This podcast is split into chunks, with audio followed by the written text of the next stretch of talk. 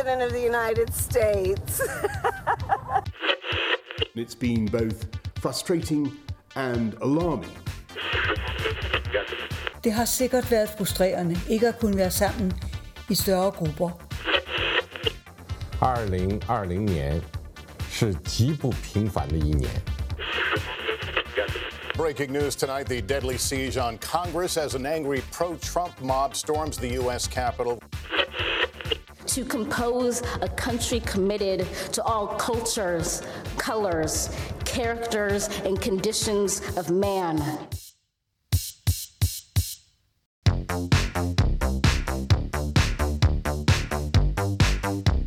Góðan dag kæru hlustendur þegar það hlust á heimskviður. Ég heiti Guðmundi Björn Þorbjörnsson. Og ég heiti Birta Björnsdóttir. Í heimskviðum er fjallað um það sem gerist ekki á Íslandi.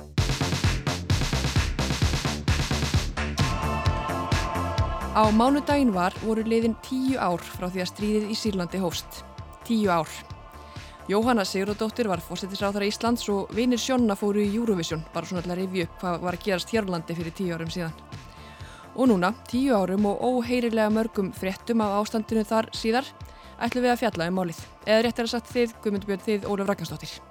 Já, alveg rétt og það verður svo sem ekki fyrsta sinn sem við fjöllum um stríði í Sýrlandi í þessum þætti en það er verðt að líta yfir farin veg á þessum tímamótum.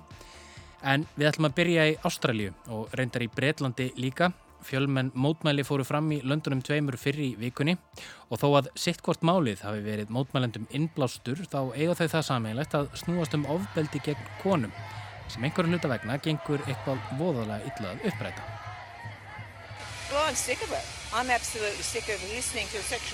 Ég er bara komið nóg af þessu. Ég er algjörlega komið nóg af því að heyra frásagnir af kynferðislegu ofbeldi í sjónvarpinu, vitandi að ekkert er gert í þessu. Ég er komið alveg nóg af ofbeldi gegn konum og það er komin tími á meiri háttvísi í þessu siðmentaða samfélagi. Þetta sagði ónemd kona, ein þeirra fjölmörgu sem tók þátt í mótmælum í Sydney í Ástralíu á mánudag. March for Justice var yfirskriftin, Mars, já eða Marserað fyrir réttlæti. Í um 40 borgum vitt og breyttum hinn að viðfemu Ástralíu komu konur saman og tóku þátt í henni bóðuðu samstöðu. Kveikja nú eru tvö mál sem mikið hefur verið fjallað um í ástralskum miðlum undanfarið. Annað þeirra snýrað Kristján nokkrum Porter, dómsmálar á þeirra Ástralíu. Í februar sögðu ástralskil fjölmiðlar frá ásökunum konu sem sagði sér hafa verið nauðga þegar hún var 16 ára gömul árið 1988. Í umfyllunni kom fram að meintur gerandi væri nú ráðherra í ríkistjórn Ástralíu. Konan fyrirfór sér árið 2020 en hafði áður skrifað bref til mannsinn sem hún sagði hafa brotið á sér, Kristján Porter.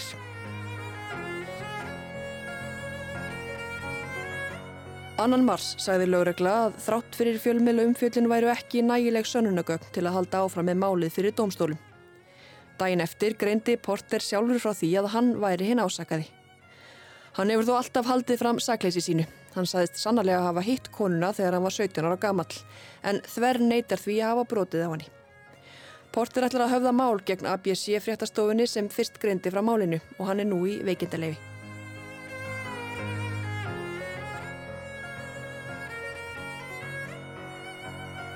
Setna málið sem mótmælendum þykir einni óbóðlegt er mál Brittany Higgins. Í februar greindi hún frá því að henni hefði verið nauðgað í þinghúsinu í höfuborginni Canberra árið 2019. Þar starfað hún sem ráðgjafi og fór kvöld eitt út að skemta sér með samstagsfélögum sínum. Eitt kollegi hennar og samstagsfélagi bauðinni far heim sem hún þáði, en kollegin fór þá með hana í þinghúsið. Þar sopnaði Higgins á sófa og saðist að hafa verið mjög drukkinn. Hún vaknaði við að samstagsmaður hennar var að brjóta á henni. Tveimur árum síðar, nánar tiltekið í síðastliðnum mánuði, tjáði Higgins sig fyrst ofinberlega um árásina. Í viðtali vegna málsins lýsir hún viðbröðum annara samstagsmanna hennar og yfirmanna við ásökunum hennar. Þau reynda að þakka máli niður, hún hafi verið vandamálið. Brittany Higgins ávarpaði samkomi mótmælenda í Sydney á mánudaginn var. Ég er að ávarpa ykkur hér í dag af nöðsinn. Engin okkar er hér í dag að því okkur langar til þess. Við erum hér að því við þurfum þess. Við erum sammála um að kerfið er rótið, glerþækið er enn á sínum stað og það er verulega mikið ójabægi í valdajabæinu innan stopnan okkar. Við erum hér því það er gjörsamlega óskiljanlegt að við þurfum að taka þessa sömu þreyttu baráttu aftur og aftur. Samstarfsmaður minn nauðgaði mér í þinghúsinu. Lengi á eftir leið mér eins og eina ástæða þess að fólk leti sig máli varða væri vegna þess hvað þetta gerðist og hvað það gæti þýtt fyrir þau. It was so confusing because these people were my idols. I had dedicated my life to them. Það var mjög rugglandi því að þetta fólk voru fyrirmyndirna mínar. Ég hafði helgað mig samstarfið við þau. Þau voru ekki bara samfélagsneti mitt, heldur líka samstagsfólk mitt og fjölskylda og skindilega komu þau öðruvísi fram við mig. Ég var ekki kona sem hafði orði fyrir hræðilegri árás, ég var orðin politist vandamál. Ef þessi tvö mál voru kveikja mótmæluna má alveg halda því fram að eldsneitið hafi verið nægt fyrir.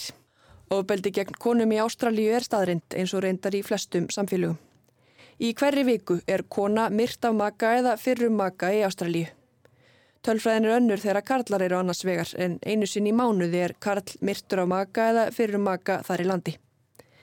Sangat rannsók sem gerð var árið 2018 hafði ein af hverjum fimm konum í Ástralíu orðið fyrir kynferðslegu ofbeldi eða hótunum eftir 15 ára aldur. Það eru um 1,7 miljónir hvenna. Þetta snýst ekki bara um það sem er að gerast á þinginu sem er reyndar algjörst nexli. Þetta gerist í skólum, háskólum, atkvörum fyrir hælisleitandur, á skrifstofum, út um allt. Þetta kemur fyrir fólk með föllun, þetta kemur fyrir eldri borgara á hjókunarheimilum. Það er allt og mikið um yfirheilmingu og allt og lítið um aðgerðir. Flest hafa spjótin staðað Scott Morrison, fórsetisráður Ástralju. Hann ávarpaði þingið á mánudag, sama dag og mótmærin stóðu sem hæst. Mr. Speaker, the government understands and shares the frustrations of women and men across this country who want to see women safe in their workplace Morrison fekk reyndar ekki alveg ræðufrið þegar hann reyndi að fullvisa þingið á mánudag um að bæði hann og ríkistjórn hans skildu vel reyði mótmælenda. Vilji þeirra stæði einnig til þess að konur upplýðu þessu örugar í starfi og í samfélaginu öllu og að konur upplýðu þessu örugar í þinghúsinu. Það veri sannlega markmið bæði hans og ríkistjórnar hans. Orð eru jú til alls fyrst og það er ekki eins og engar hugmyndir komið fram. Ástralski lauruglustjórinni Mick Fjuller stakk til að mynda upp á því fyrir vikunni að leitað erði á náðir tækninar til að reyna að skera upp herur gegn kynferðisofbeldi. Hann stakk upp á nótkun eins konans samþykkis-apps eða samþykkis-smáfórits. A number of the matters that we see in, involve the victims being impaired and, and they are often nearly unconscious. Like I think it would be pretty tough to get someone... Fjuller sagði að yðurlega sé brotið á konum þegar þær eru undir áhrifum áfengis eða annara vímuöfna.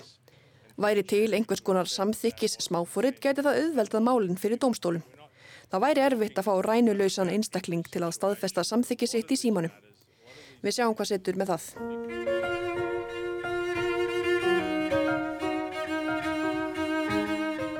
En það var víðar í heiminum þar sem fjöldi fólks kom saman í vikunni í mótmælaskyni við ofbeldi gegn konum. Um fátt annað hefur verið fjallað í bresku samfélagi, já, fyrir utan kannski viðtalið við Harry og Meghan, en örlög Söru Everard.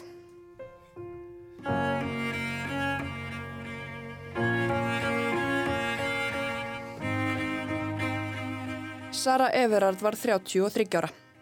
Miðugutaskvöldinu 3. mars varði hún í heimsokk hjá vinahjónum sínum. Hún lagði svo fótgangandi af stað heimum nýjuleitið. Gönguferðin átti að taka um 50 mínútur og vitað er að hún rætti við kærastansinn í síma á leiðinni heim. Síðan var einhver líkar en að jörðin hefði gleiftana, sem hún gerði reyndar sannarlega ekki. Þegar enginn hefði heyrt frá Söru Everard í tvo daga setti Lundunarlauruglan skilabóð á Twitter og baða hann að hafa samband við ættingi sína. Engin skilabóð bárust og laurugla hóf leitt. Leit sem bar ekki árangur fyrir nokkrum dögum síðar þegar líkamsleifar sem síðar reyndust vera úr Everard fundust í skólendi í Asford. Laureglumadurinn Wayne Cousins hefur verið ákjærður fyrir mannrán og morðið á Söru Everard. Hann gekk til liðs við Lundunarlauregluna fyrir þremur árum og hafði synt öryggiskeslu við sendiráð. Hann var þó ekki á vakt kvöldið sem Everard var myrt. Talskona Lundunarlaureglunar sagði þau öll vera miður sín yfir því að einn úr þeirra röðum sig grunaður um aðeldamálunu. Morðið á Söru Everard mun nú hafa sinn gangi í réttarkerfinu en eftir sitja vinir hennar og ættingar. Og líkt og í Ástralju yfir málið upp gömuls ár. Meira en helmingi færri konur en karlar voru myrt í Breitlandi síðastliðin áratugin.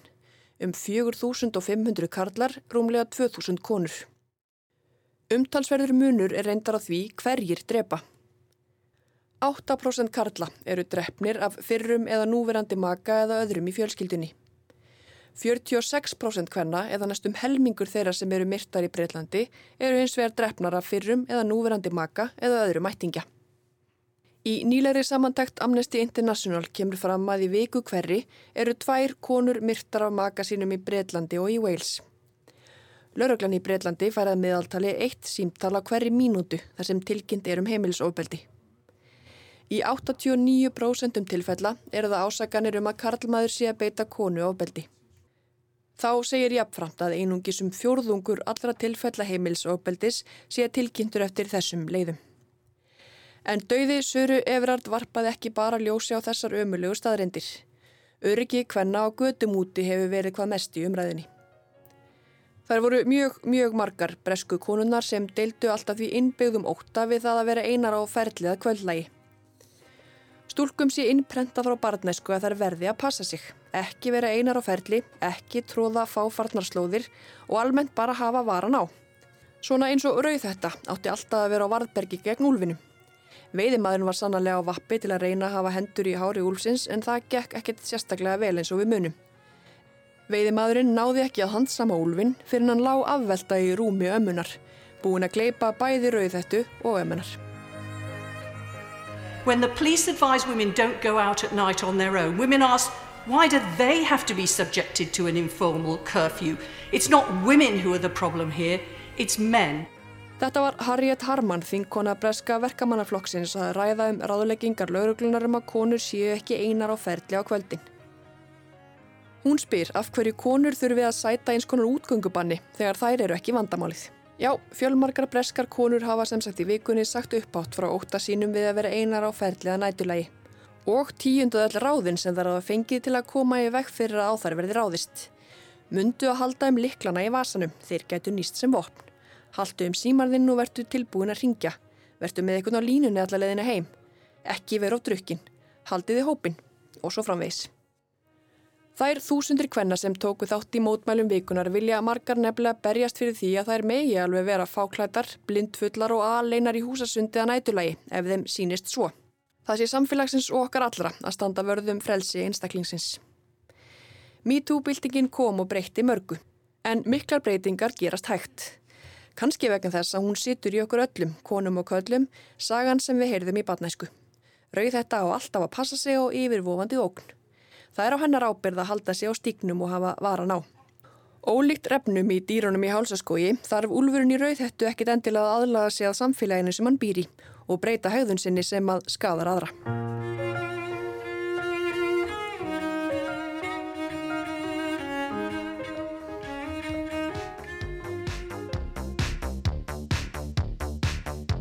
Þá höldum við til Sýrlands.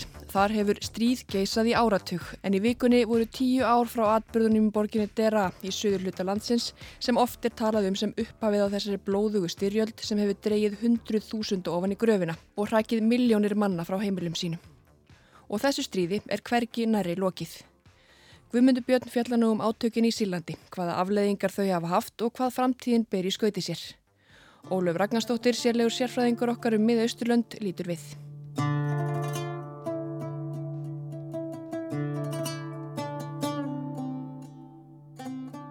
Manst þú hvað þú varst að gera fyrir tíu árum, hlustandi góður? Þá var lífið kannski allt öðruvísi. Kannski ertu búin að skilja við makaðinn og eignast nýja fjölskyldu síðan þá. Skipta um vinnur oftar en þú getur talið á fingrum annarar handar. Byrja í háskóla og ljúka honum. Kaupa íbúð og endur fjóramagna lánið. Þú hefur á öllum líkindum þó ekki búið við stanslaust stríðs ástand síðastliðin ára töglíkt og miljónir sírlendinga. Í vikunni sem leið voru tíu ár frá því þegar átök brutust út í borginni Dera í söður hluta landsins millir mótmælenda og hersins. Sýrlendingar höfðu þá vikurnar á undan krafist þess að Bashar al-Assad fórseti landsins leti af ennbætti og voru undir miklum áhrifum af arabíska vorinu, svo kallaða. Mótmæla öldu sem reyði verið Arabaheimin og Norður Afriku undir lok ás 2010 og fram til ásins 2011. Arabíska vorið veitti miljónum manna innblástur og blést þeim voni brjóstu um gagsara og líðræðisleira samfélag. Víðar hökluðust þjóðarleðtóar frá völdum en það er ekki ekkert að segja að arabiska vorið hafi endilega reynst gæfu spór fyrir íbúa þessara landa. Í mörgum þessara landa tóku enn verri harðstjórar við stjórnartaumunum og telja sérfræðingar eða í langflestum löndunum sé staðan verri fyrir almenningan áður.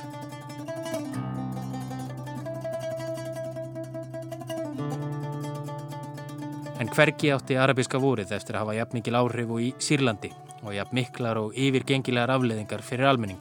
Þar hefur nú geisað stríð í áratug. Hjá mér situr Óluf Ragnarstóttir frettamæður sem hlustendur heimskviða þekkja vel en hún er sérfræðingur okkar um málefni mið Östurlanda. Þess að skilja einhvern veginn viðbröð sírlendinga og þeirra þáttöku í arbíska vorinu þá þurfum við kannski að skilja hvernig ástandi var fyrir stríð og um það höfum við nú reynda fjalla hérna í heimskuðum áhuga sem er geta flettið upp en það var í stuttumáli þannig að það var ekkert rými fyrir neinar skoðanir aðrar en þær sem að þóknast yfirvöldum. Þannig að það var, svolítið, það var stöðuleik í Sýrlandi, vissulega og bara eh, svona út á við allt í blóma þannig en það var svolítið í skugga kúunar sem þessi stöðuleiki var við líði.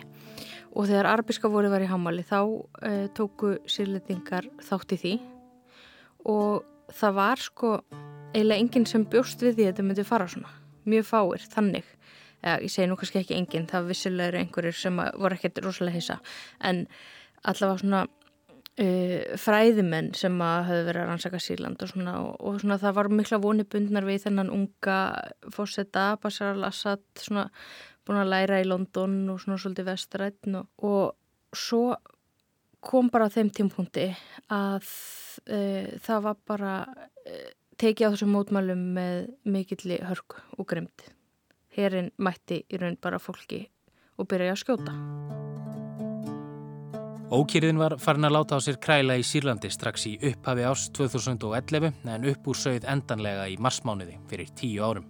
Eftir að það voru ungi drengir sem að grótuðu slagorð arabiska vorsins á, á vegg í Dera í suðurluta landsins og þeir voru handteknir og pintaðir það var einhvern veginn svona drópin sem fyldi mælinn og þá var þetta orðið að svona, þessari byltingu, ef svo maður kalla. Óluf segir að enginn hafi getað séð fyrir sér hvað átökin átt eftir að standa lengi. En það er kannski ekki svo skrítið þegar við lítum í baksíni speilin. Þetta er ekki einföld átök, ég er best ekki einn hópur gegn öðrum. Nei, þetta er ekki einn vondur og einn góður og, og og þú þurft að velja hverjum þú ætlar að halda með, alls ekki. Þetta eru bara margir aðilar og flestir vondir eða svo má orðið komast. E, þetta var náttúrulega byrjaði svona hérinn á móti sínum borgarum sem að tóku sér upp vopn og svo komu fleiri og fleiri fylkingar inn í þetta e, af, með sína sín markmið sem oft voru bara óljós og mjög mismunandi veist, það er að hafa einhverjum tímapunkti hafa verið hundruð mismöndi hópa að berjast og kannski eru ein, einhverju tveir hópar saman í liði þarna en svo eru það á móti hverjuður um annar staðar. Þetta er mjög flókið og alls ekki svartkvít um, og svo hafa þjóðir eins og Rústland, Íran uh, Bandaríkin, Breitland Frakland, svona skipt sér að þessu með mis svona beinum hætti þó segir Óluf og undir þetta tók Magnús Torkell Bernhardsson, professor í mið-östurlandafræðum við Williams College í Bandaríkunum, en Óluf rætti við hann í vikunni. Þessi átök eru svo, svolítið sérstök að þýlitum til að þetta er ekki svart og hvít staða. Þetta eru sko svo margvíslegir aðilar sem eru að berja sem er með mjög ólíka hagsmunni og eru með, eru með öruvísi strategíu og öruvísa taktík og eru kannski að vinna þetta með ólíkum hætti. Þannig þetta þróast kannski uppræðilega sem svona típist kannski svona borgarastyrjöld sem hefur þá þróast yfir það að vera í svona staðgöngustríð eða leppstríð og núna er kannski að þróast í það að vera svona, uh, svona svæðisbundin deila sem hefur kannski þá þann möguleika að, að þróast í, í enn frekari svæði, sko, vika út um, um svæðið. Þannig að þetta hefur vaksið svolítið að þýlitunni til að það eru fleiri aðlar sem komaðin inn og fleiri aðlar sem eru að skipta sér að þessu uh, máli án þess að það sé ljóst hver stefnir.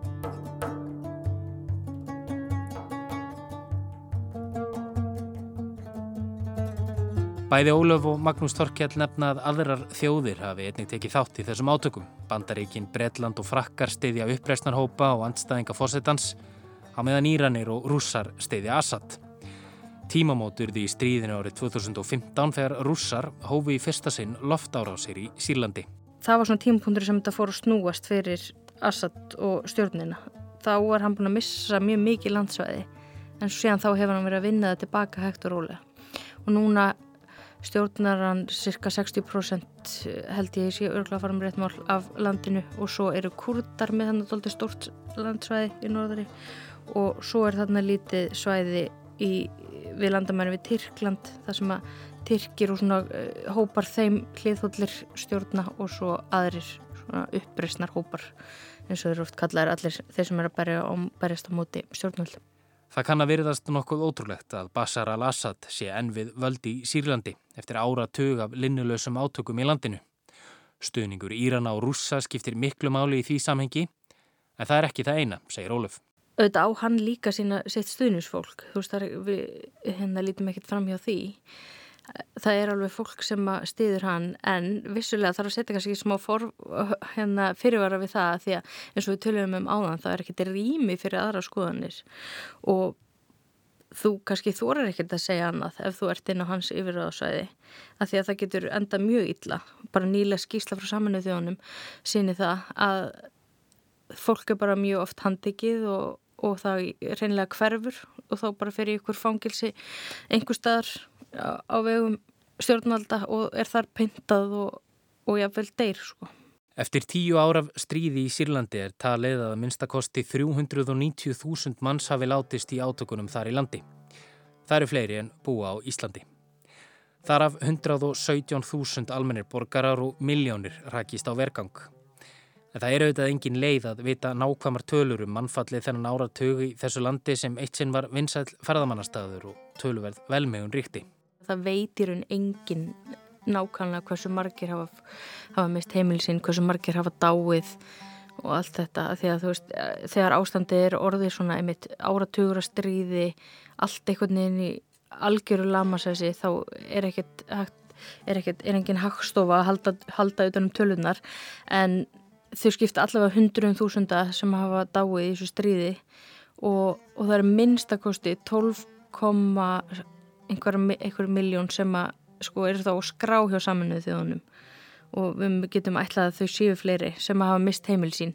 Annarkvort eru þá flotta utan Sýrlands eða inn, inn, innan Sýrlands. Og þetta er meirinn helmingur þjóðarinnar fyrir stríð. Fyrir stríð voru svona 23 miljónir sem byggu í Sýrlandi og svo náttúrulega er ennþá fullt af fólki týnt í einhverjum fangilsum, ástæðinni að vita ekkert hvað þeir eru. Þetta hefur svo rosalega áhrifið þetta á fólkið.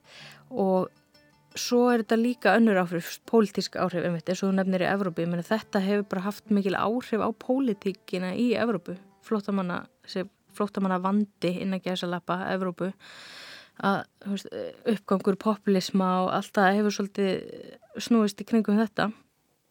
Segir Ólöf Ragnarstóttir Svæðið í kringum Sýrland er líka afar eldfind Íranir eru í lið með hérna, Sýrlandstjórn þeirra helsti óvinnur sáti Arabar, þeir hafa verið að uppreysnarhópana þannig að þetta er svona líka valdabarta innan svæðisins og svo er Tyrkir hann að komnir doldið vel inn í þetta og svona passa sitt þannig að þetta, þetta hefur rosalega uh, mikil og viðtæk áhrif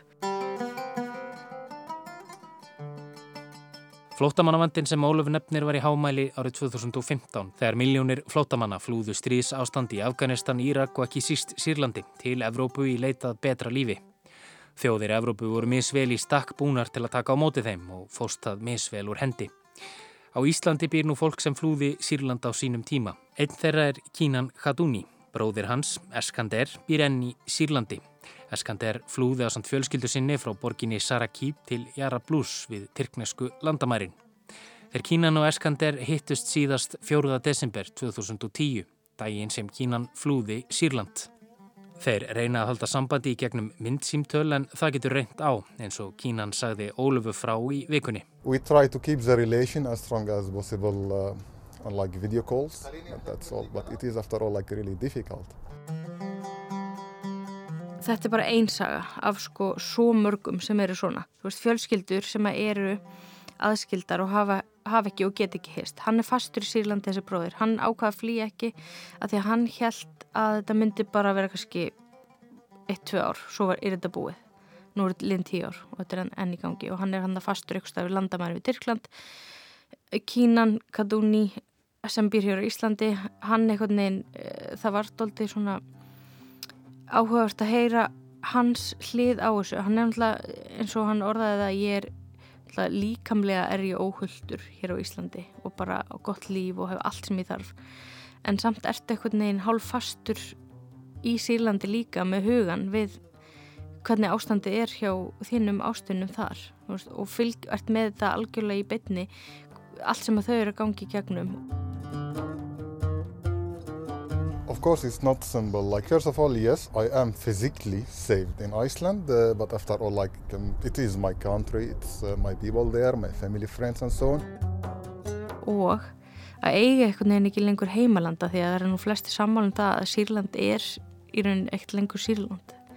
Það sem eftir stendur eftir þetta stríði verður eitthvað, einhvers konar útgafa að því en ekki, ekki Sýrland sem, sem að við þekktum í náður.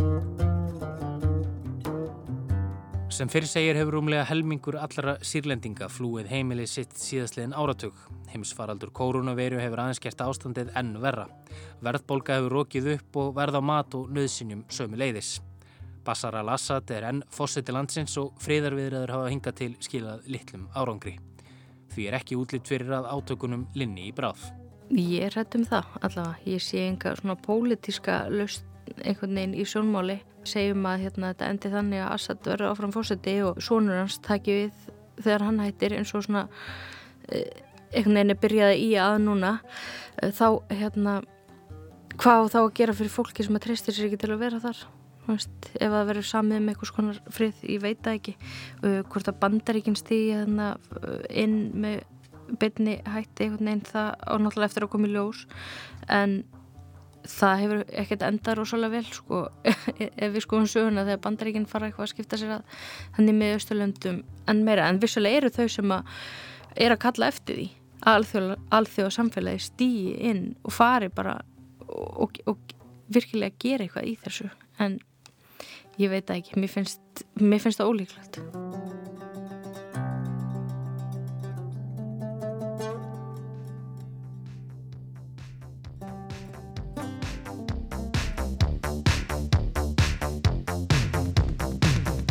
Heimskviður verða ekki fleiri þessa vikuna.